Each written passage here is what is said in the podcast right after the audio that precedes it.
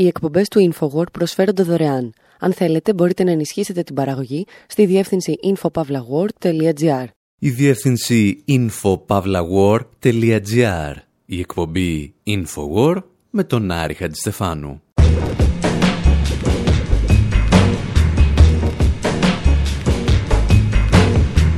Όπου σήμερα ξεφυλίζουμε μια μικρή ιστορία του Edgar Allan Poe, η οποία ίσως να περιγράφει με τον καλύτερο τρόπο την πανδημία που ζούμε. Αναρωτιόμαστε εάν τελικά είναι το ίδιο να είσαι πλούσιος και φτωχός και απαντάμε μάλλον όχι, τουλάχιστον μέχρι την ημέρα που πεθαίνεις. Αφήνουμε τον πρίγκιπα πρόσπερο στα χέρια του κόκκινου θανάτου και αναρωτιόμαστε πόσο διαφορετικός ήταν από τους σημερινούς πολιτικούς των Ηνωμένων Πολιτειών. Και ύστερα μετράμε τους εκατοντάδες δημιουργούς που ενέπνευσε ο Έντγκαρ Αλαμπόε να γράψουν μουσική για τα διηγήματά του. Και όταν λέμε δημιουργούς, εννοούμε από τον Σεργέη Ραχμάνινοφ μέχρι την Britney Spears και από την Ίνα Σιμών μέχρι κάτι σκανδιναβούς χευμεταλλάδες που δεν έχετε ξανακούσει.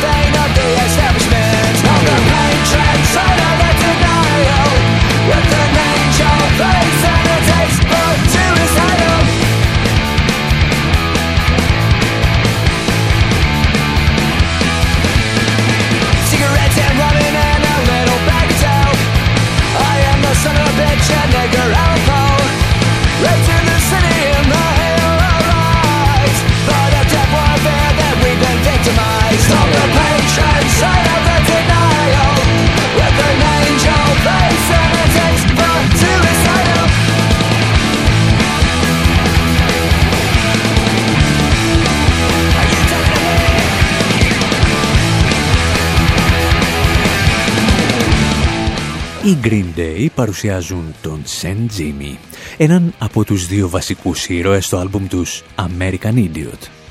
Ο οποίος Saint Jimmy, όπως πληροφορούμαστε, είναι ένας μαχητής της punk, γιος μιας πόρνης και του Edgar Allan Poe.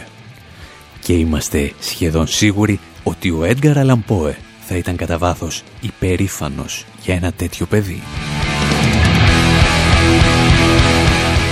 Γιατί ο Πόε ήταν ένας καταραμένος συγγραφέας, μεταφορικά αλλά κυρίως κυριολεκτικά. Η ζωή του θα στιγματιστεί από τρεις θανάτους. Της μητέρας του που πέθανε από φυματίωση, αφού τους εγκατέλειψε ο πατέρας του, της θετής του μητέρας, η οποία πέθανε από φυματίωση και της γυναίκας του που πέθανε από φυματίωση και ίσως από εκείνες τις απώλειες αλλά και τις δικές του κακουχίες να γεννήθηκαν ορισμένες από τις πιο σκοτεινές ιστορίες μυστηρίου που είχε γνωρίσει μέχρι εκείνη την εποχή η παγκόσμια λογοτεχνία.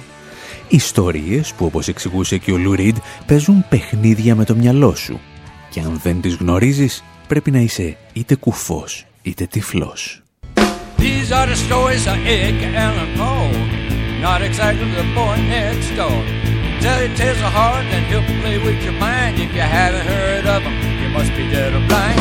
These are the stories of Edgar Allan Poe, not exactly the boy next door.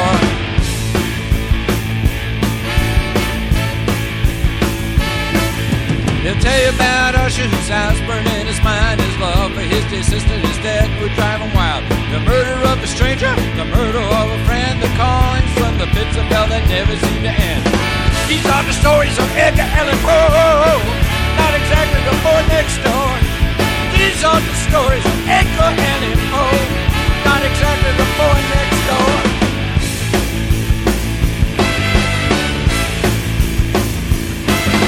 The diabolic image of the city and the sea, the chaos and the carnage that reside deep within me. Decapitation, poisonings, hellish night, a boy, you won't need 3D glasses to pass me on the store. Edgar Allan Poe, not exactly the door next door. No Nosferatu visit and naked women here. My mind on further, mind on bed is all we have here. Fighter rank tanks flooded to the stage. Leave your expectations home. And listen to the stories of Edgar Allan Poe.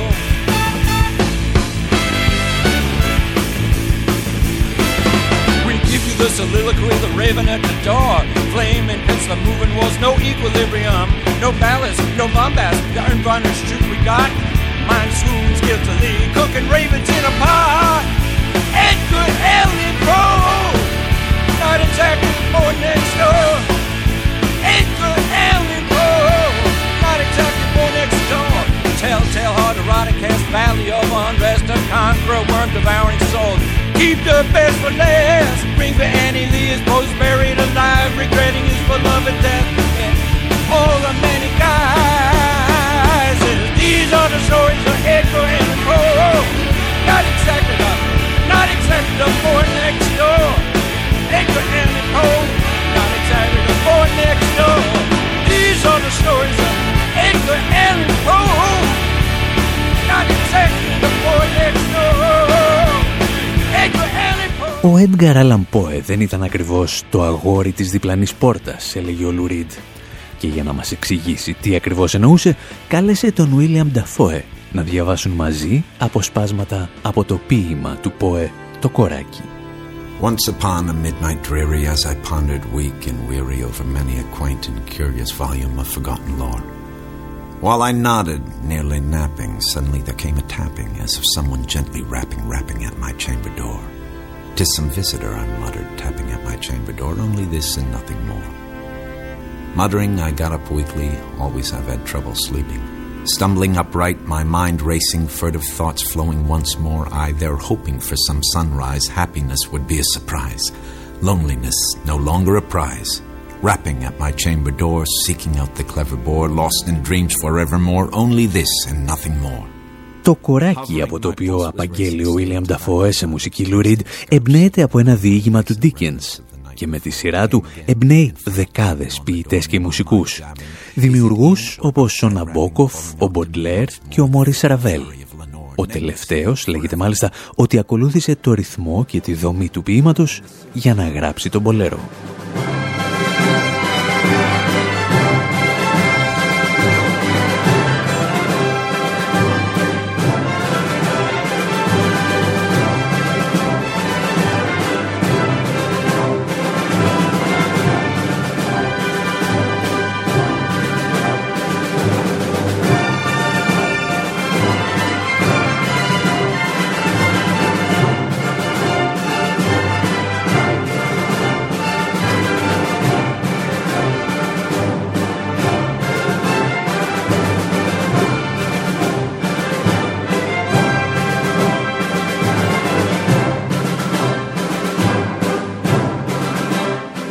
Θα επανέλθουμε σε έργα του Edgar Allan Poe που ενέπνευσαν ορισμένους από τους σημαντικότερους συνθέτες των δύο προηγούμενων αιώνων.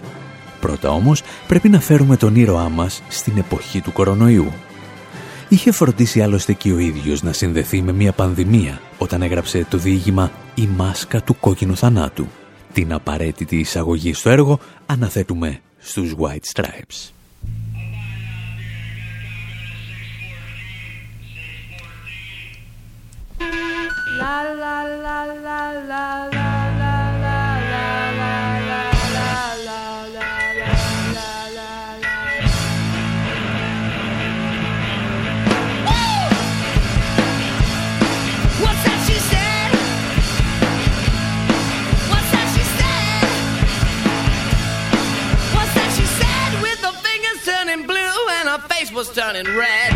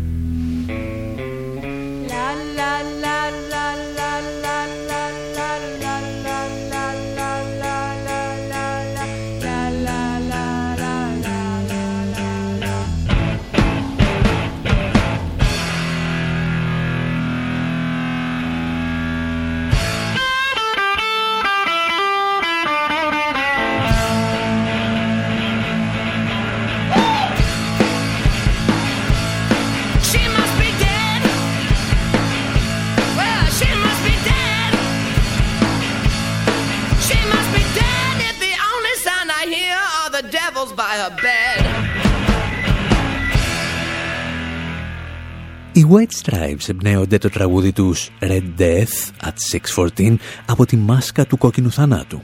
Ένα από τα πλέον αναγνωρίσιμα σύντομα διηγήματα του Edgar Allan Poe. Μια πανδημία αποδεκατίζει τον πληθυσμό στο βασίλειο του πρίγκιπα Πρόσπερο. Μια αρρώστια που όπως έγραφε ο Edgar Allan Poe χρειαζόταν μόλις 30 λεπτά για να στείλει κάθε ασθενή στο θάνατο. The Red Death had long devastated the country. No pestilence had ever been so fatal or so hideous. Ο κόκκινος θάνατος ρήμαζε από καιρό τη χώρα. Καμία επιδημία δεν είχε ποτέ σταθεί τόσο θανατερή, τόσο φρικτή. Το αίμα ήταν η ενσάρκωση και η σφραγίδα του. Το κόκκινο και απέσιο αίμα. Δυνατή πόνη, ξαφνικές αλάδες, άφθενη μοραγία από τους πόρους και έπειτα ο θάνατος. Οι κόκκινες βούλες πάνω στο κορμί και ειδικά στο πρόσωπο του θύματος σήμαιναν την αποκήρυξή του από τους αναδρόπου του τη στέρηση κάθε βοήθειας και συμπονίας. Η εκδήλωση αρρώστιας, η πρόδοση της και ο θάνατος ήταν ζήτημα μισής ώρας with the incidence of half an hour. Ο κόκκινος θάνατος, τον οποίο περιγράφει ο Έντγκαρ Αλαμπόε, αποτελεί μια φανταστική ιστορία. Και το καταλαβαίνουμε γιατί καμία πανδημία δεν μπορεί να σε σκοτώσει σε 30 λεπτά. Σχεδόν κάθε άλλη λεπτομέρεια όμως παραπέμπει σε υπαρκτές πανδημίες όπως αυτή της μαύρης πανόλης. Όπως θα μας εξηγήσει λίγο παρακάτω ο Edgar Allan ο κόκκινος θάνατος θα σκοτώσει περίπου έναν στους δύο ανθρώπους. Περίπου δηλαδή το ποσοστό που αφάνισε και ο μαύρος θάνατος στην Ευρώπη από το 1347 μέχρι το 1351, η γνωστή Πανόλη. Ένα πραγματικό θρίλερ το οποίο θα εμπνεύσει και τον The Boy να γράψει για τη μάσκα του κόκκινου θανάτου.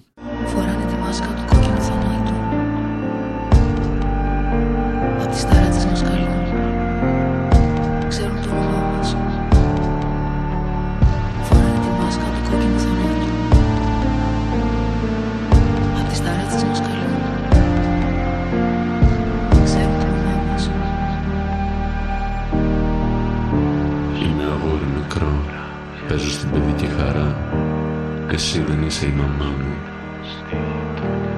Από μικρός κρυβόμουν στα σκοτεινά. Και μεγάλωνα μες στο θρύλε. Πρόσωπα δίχως μάτια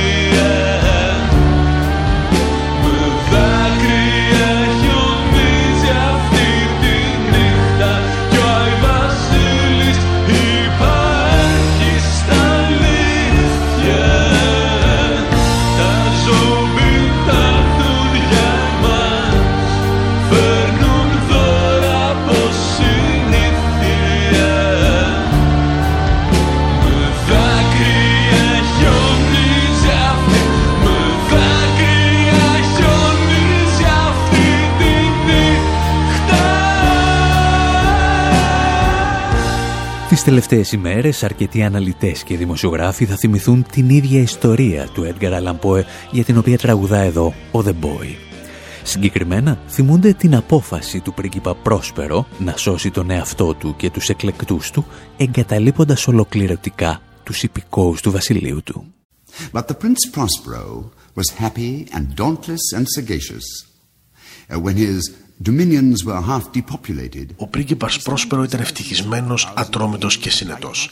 Όταν το κράτος του ερημώθηκε από το μισό πληθυσμό, κάλεσε κοντά του χίλιους γερούς και ξένους υπότες και κυρίες αυλής του και μαζί με όλους και όλες κλείστηκε σε ένα οχυρό του πύργου και απομονώθηκε αυστηρά. Αυτός ο πύργος ήταν μια πολύ μεγάλη και περίλαμπρη οικοδομή, κτισμένη σύμφωνα με τα κεντρικά μα ωστόσο σε επτά γούστα του ίδιου του πρίγκιπα.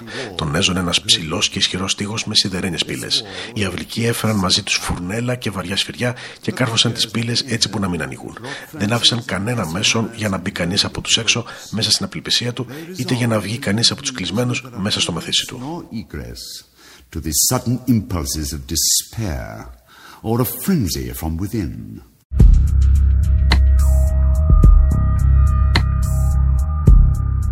Ο πρίγκιπας Πρόσπερο λοιπόν απομονώνεται στον πύργο του, προσφέροντας προστασία σε ένα πολύ μικρό αριθμό εκλεκτών καλεσμένων.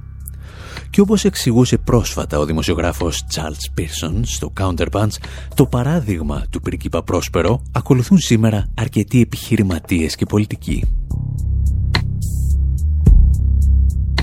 Αν ζούσε σήμερα ο Πρόσπερο, γράφει ο Πίρσον, θα ξεκινούσε λέγοντας στους πολίτες του ότι δεν υπάρχει κανένας λόγος ανησυχίας από τον κορονοϊό.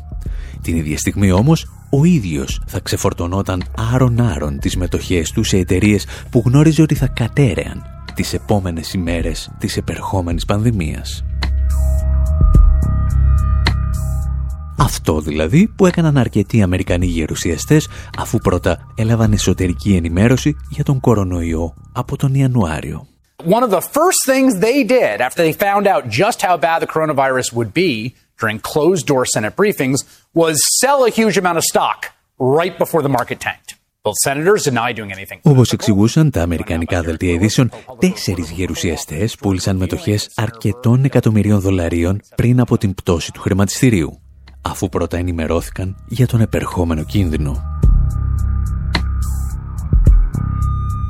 Ένας από τους γερουσιαστές μάλιστα, ο Ρίτσαρτ Μπέρ, είχε την ευγενή καλοσύνη να ενημερώσει και τους χορηγούς της προεκλογικής του εκστρατείας. Δεν γνώριζε μάλλον πως όσα έλεγε καταγράφονταν και θα διέρεαν κάποια στιγμή στο κρατικό ραδιόφωνο των ΗΠΑ, το NPR.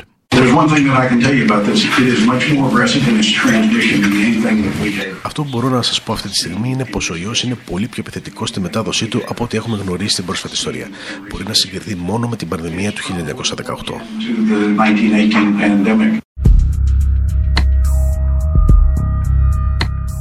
Πανδημία του 1918, στην οποία αναφέρεται ο Ρίτσαρντ Μπέρ, σκότωσε, αν θυμάστε, περίπου 50 εκατομμύρια ανθρώπους σε όλο τον κόσμο. Ένας γερουσιαστής λοιπόν προειδοποιούσε για έναν επερχόμενο Αρμαγεδόνα από τον Ιανουάριο. Προειδοποιούσε όμως μόνο αυτούς που του έδιναν αρκετά χρήματα. Την ίδια περίπου περίοδο, ο πρόεδρος Τραμπ, έχοντας τις ίδιες και περισσότερες πληροφορίες, εξηγούσε ότι πρέπει να αντιμετωπίζουμε τον κορονοϊό όπως και την κοινή γρήπη. You know, you do certain things that you do when you have the flu. I mean, view this the same as the flu. I try and bail out as much as possible with the sneezing. I had a man come up to me a week ago. I hadn't seen him in a long time, and I said, "How you doing?" He said, "Fine, fine." He he hugs me, kisses. I said, "Are you well?" He says, "No." he said, "I have the worst fever and the worst flu," and he's hugging and kissing me. So I said, "Excuse me." I went there. I started washing my hands. So you have to do that. You know, this is, I, I really think, doctor, you want to treat this like you treat the flu, right?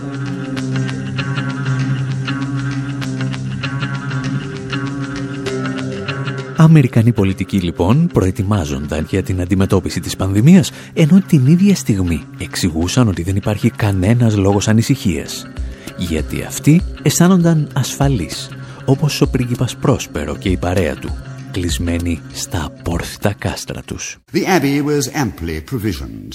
With such precautions, the courtiers might bid defiance to contagion. Ο πύργος ήταν εφοδιασμένο άφθονα με όλα τα καλά. Με τέτοιε προφυλάξεις οι αυλικοί μπορούσαν να ψηφούν τη μετάδοση της επιδημίας. Ο έξω κόσμος ας φρόντιζε μονάχος για τον εαυτό του. Στο μεταξύ ήταν ανοησία να κάθεται κανείς να χολοσκά και να συλλογεται.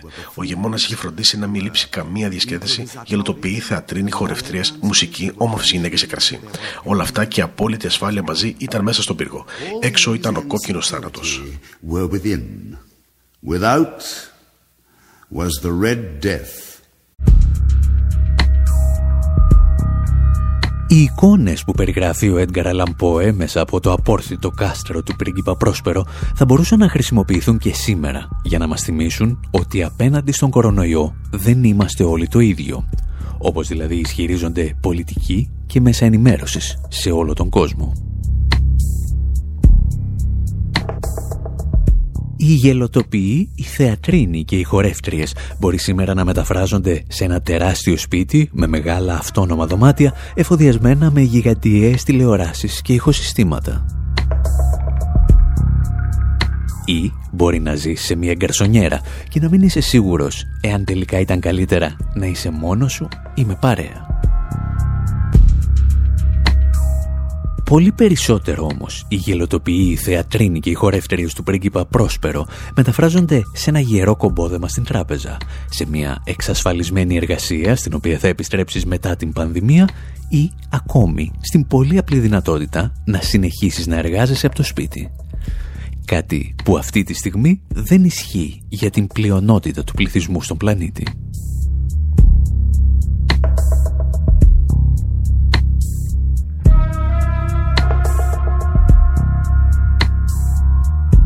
Στο διήγημα του Έντγκαρα Λαμπόε βέβαια, ο κόκκινος θάνατος θα βρει τελικά τον τρόπο να περάσει μέσα στο κάστρο του Πρόσπερο. Και ο πρίγκιπας, όπως και η αυλική του, μπορεί να μην έμαθαν ποτέ πως ζούσαν οι υπηκόοι τους, έμαθαν όμως τον τρόπο με τον οποίο πέθαναν.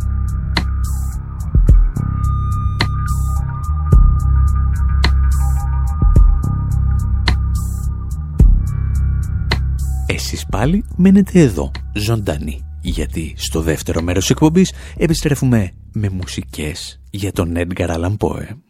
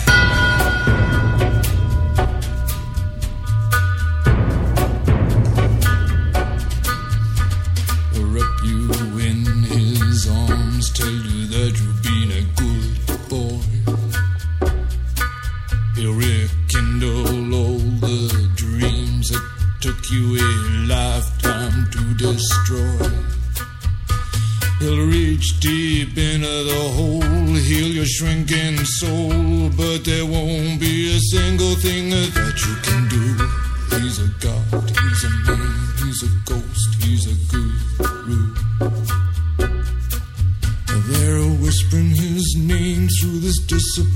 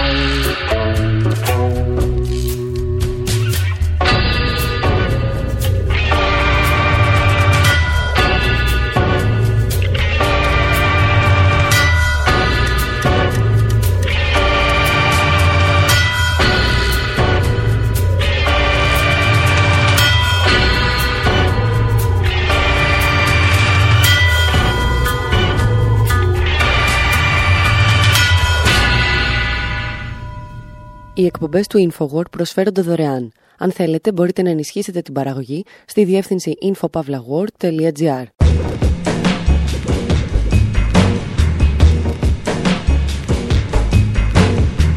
Εκπομπή InfoWord, μέρος δεύτερο. Όπου αφού πιάσαμε να λέμε ιστορίες για τον Edgar Allan Poe, λέμε να συνεχίσουμε ακούγοντας και μερικά ακόμη τραγούδια που γράφτηκαν για τον ίδιο και για το έργο του. Ακούσαμε τους Green Day και τον Ravel, αλλά και ο λίγον από τον The Boy. Και τώρα την προσοχή σας, γιατί το μικρόφωνο παίρνει ο Bob Dylan.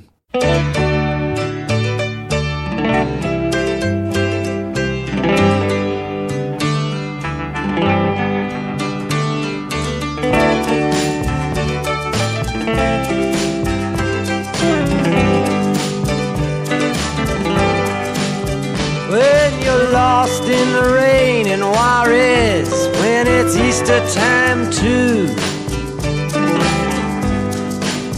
And your gravity fails and negativity don't pull you through. Don't put on any airs when you're down on Rue Morgue Avenue. They got some hungry women there and they really make a mess out of you. Now, if you see St. Annie, please tell her thanks a lot. I cannot move, my fingers are all in a knot.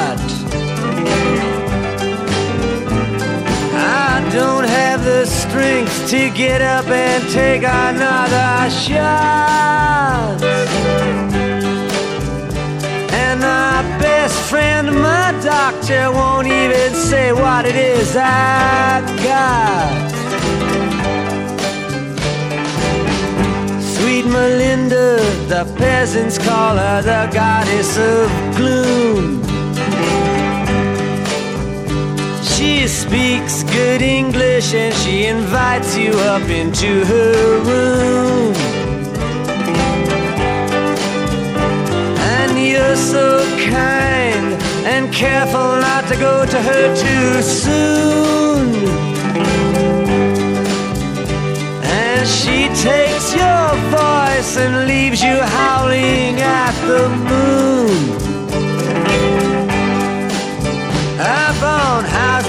Project Hill. It's either fortune or fame.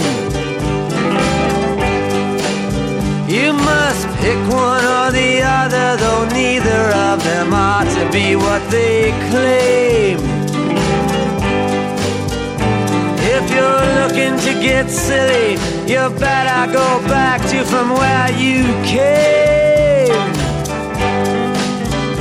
Because the cops don't need you, and man, they expect the same.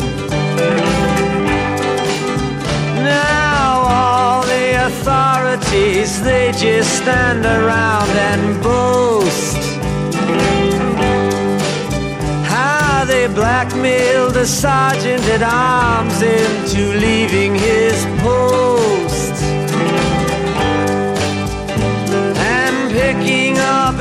Angel who just arrived here from the coast.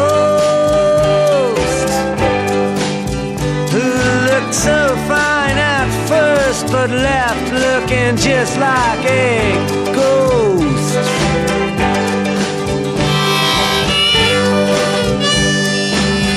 I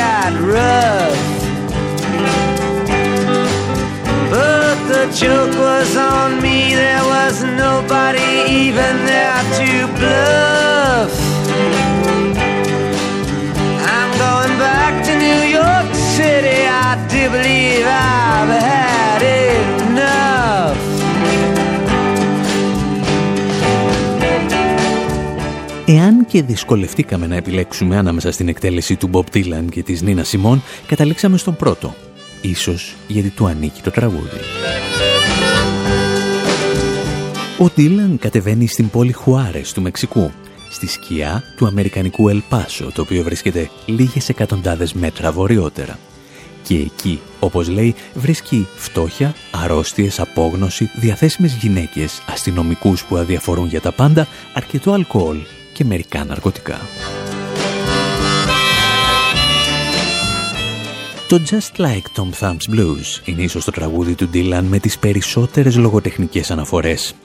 Από πάνω του περνούν ο Jack Kerouac και ο Malcolm Lowry, ενώ ένας βιογράφος του Dylan εντόπισε και στοιχεία από τον Αρθούρο Ρεμπό.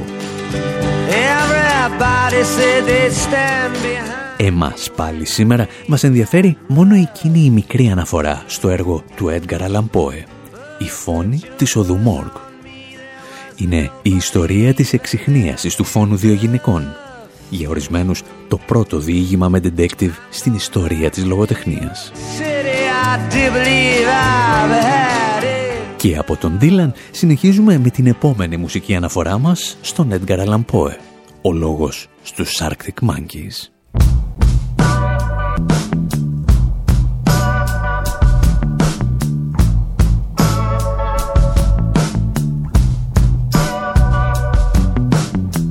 Got your H.P. Lovecraft, your Edgar Allan Poe.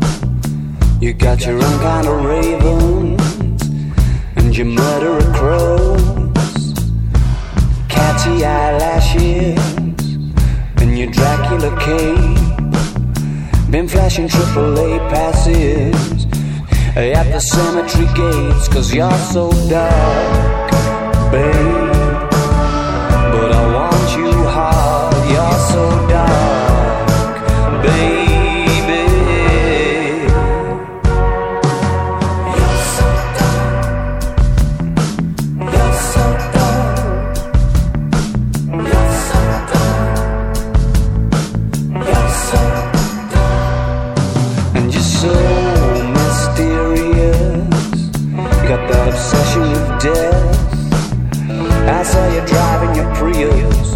lap.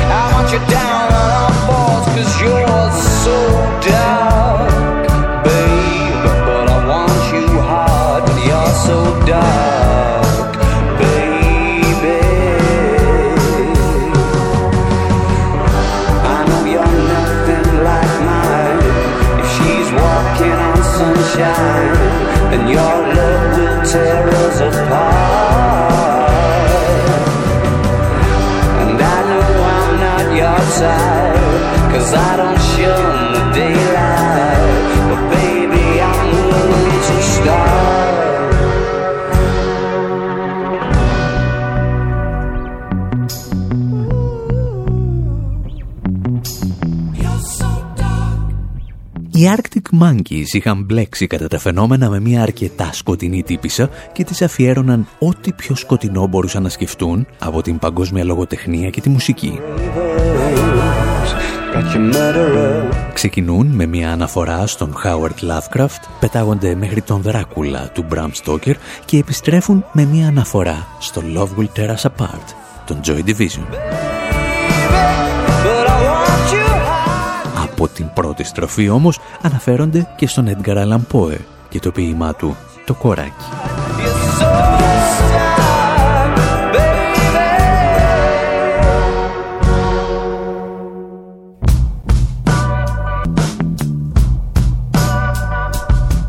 Και από το σκοτάδι των Arctic Monkeys περνάμε στα χρώματα των Beatles. Μια μικρή αναφορά στον ΠΟΕ χαμένη κάπου ανάμεσα σε ισχυρές ποσότητες LSD. Thank you.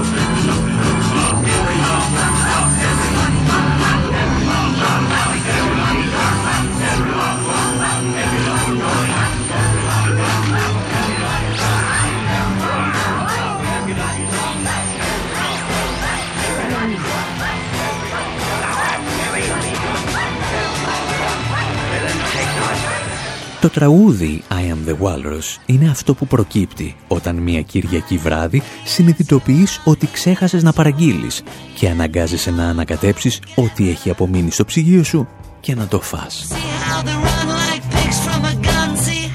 Ο Τζον Λένον συνδέει τρία τραγούδια τα οποία δεν κατάφερε να ολοκληρώσει ποτέ και φτιάχνει μια ενδιαφέρουσα σαλάτα με αναφορές στον Λούις Κάρολ και το έργο του «Η Φώκια και ο Μαραγκός». Και, αν πασάν, μαθαίνουμε ότι κάτι πιγκουίνι είχαν αρχίσει στις κλωτσιές τον Edgar Allan Poe.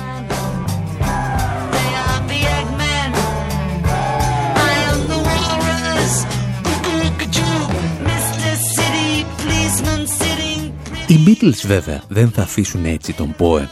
Στο περίφημο εξώφυλλο από το άλμπουμ τους Sgt. Pepper's Lonely Hearts Club Band τοποθετούν το κεφάλι του στην πρώτη σειρά των καλεσμένων τους.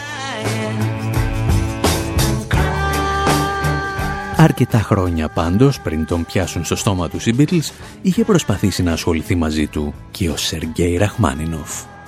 Στη χοραδιακή συμφωνία του «Οι Καμπάνες» χρησιμοποιεί μια ρωσική μετάφραση του ομώνυμου ποίηματος του ΠΟΕ.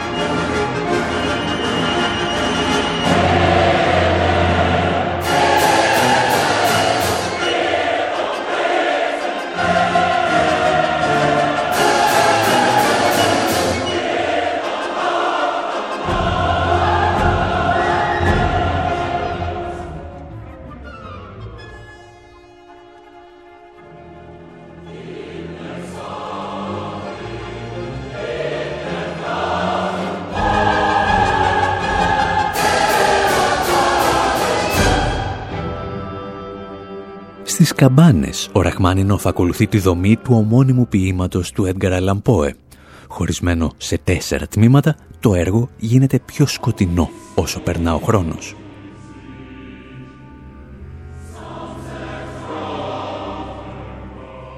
Το ίδιο ποίημα, δηλαδή οι καμπάνες, λέγεται ότι είχε επηρεάσει και τους Pink Floyd όταν έγραφαν το Time από το The Dark Side of the Moon η τελευταία στίχη για την μεταλλική καμπάνα που καλεί τους πιστούς να γονατίσουν, ίσως και να βγει και από το ποίημα του ΠΟΕ.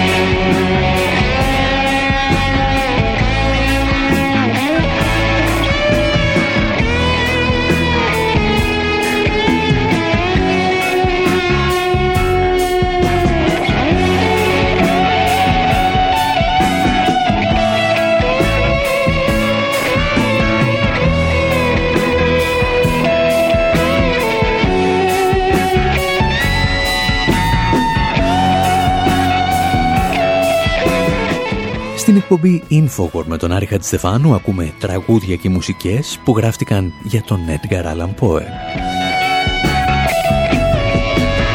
Βρισκόμαστε στο στούντιο που ηχογραφείται το Time από το Dark Side of the Moon, τον Pink Floyd. Και πίσω από την κονσόλα κάθεται ένας τεχνικός που ακούει στο όνομα Alan Parsons. Εκείνη την εποχή δούλευε μερικά δικά του κομμάτια επάνω σε ποίηματα του Edgar Allan Poe και περίπου τρία χρόνια αργότερα θα κυκλοφορήσει το Tales of Mystery and Imagination. Κάθε κομμάτι του άλμπουμ αναφέρεται σε ένα ποίημα του Πόε και φυσικά δεν θα μπορούσε να λείπει το κοράκι.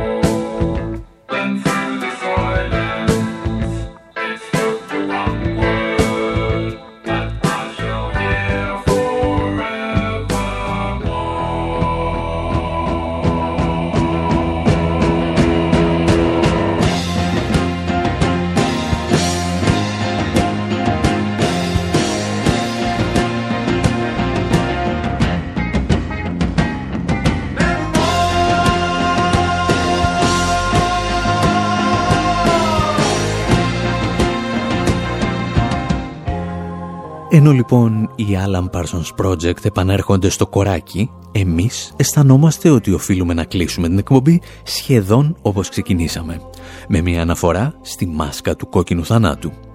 Έχει έρθει η σειρά των Latent Anxiety να μας παρουσιάσουν το τέλος του πρίγκιπα Πρόσπερο στο τραγούδι τους Red Death.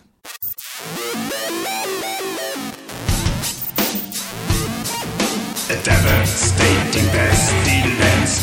outside of the Abbey's fence. Victims bleeding at the doors, bolted from the princess doors.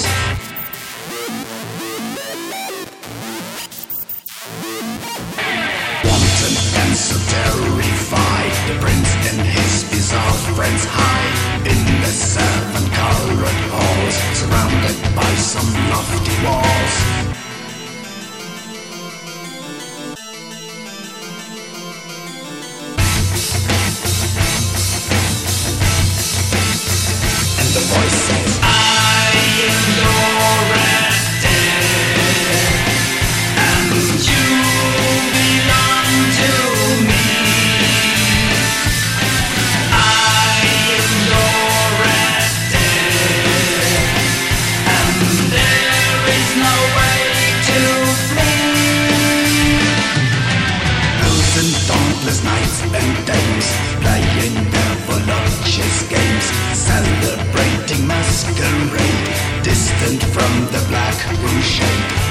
Κάπου εδώ, όμως, λέμε να σας αφήσουμε και για αυτή την εβδομάδα. Σε στιγμές απόγνωσης, να θυμάστε ότι μας βρίσκεται πάντα στη διευθυνσή info.pavlaguard.gr. Μέχρι την επόμενη εβδομάδα από τον Άρη Στεφάνου στο μικρόφωνο και τον Δημήτρη Σταθόπουλο στην τεχνική επιμέλεια. Γεια σας και χαρά σας.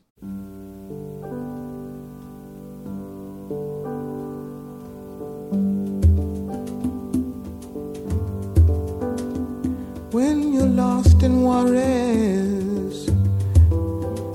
waste of time too. And your gravity fails and negativity don't pull you through. Don't put on any airs when you're down on Rue Morgue Avenue. They've got some hungry women there, and man, they'll really make a mess out of you.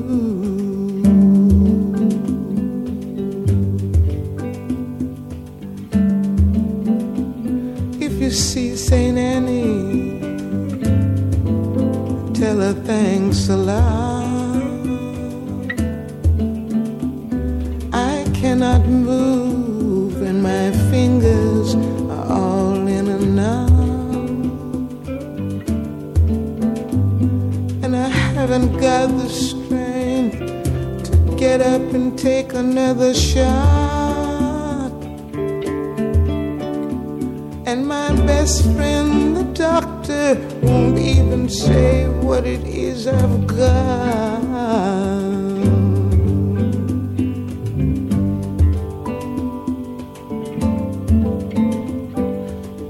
Sweet Melinda, the peasants call her the goddess of gloom.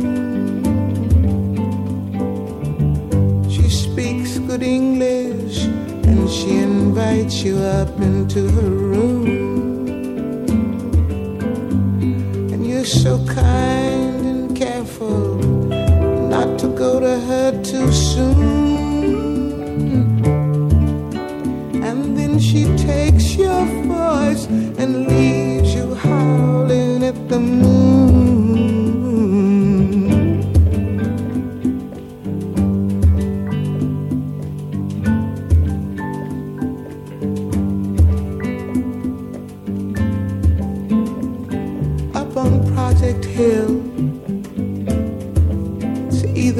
fortune or fame.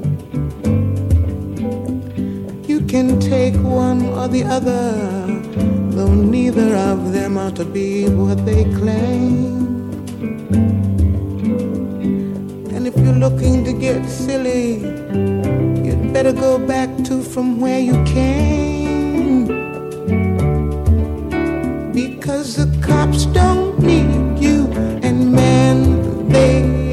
expect the same.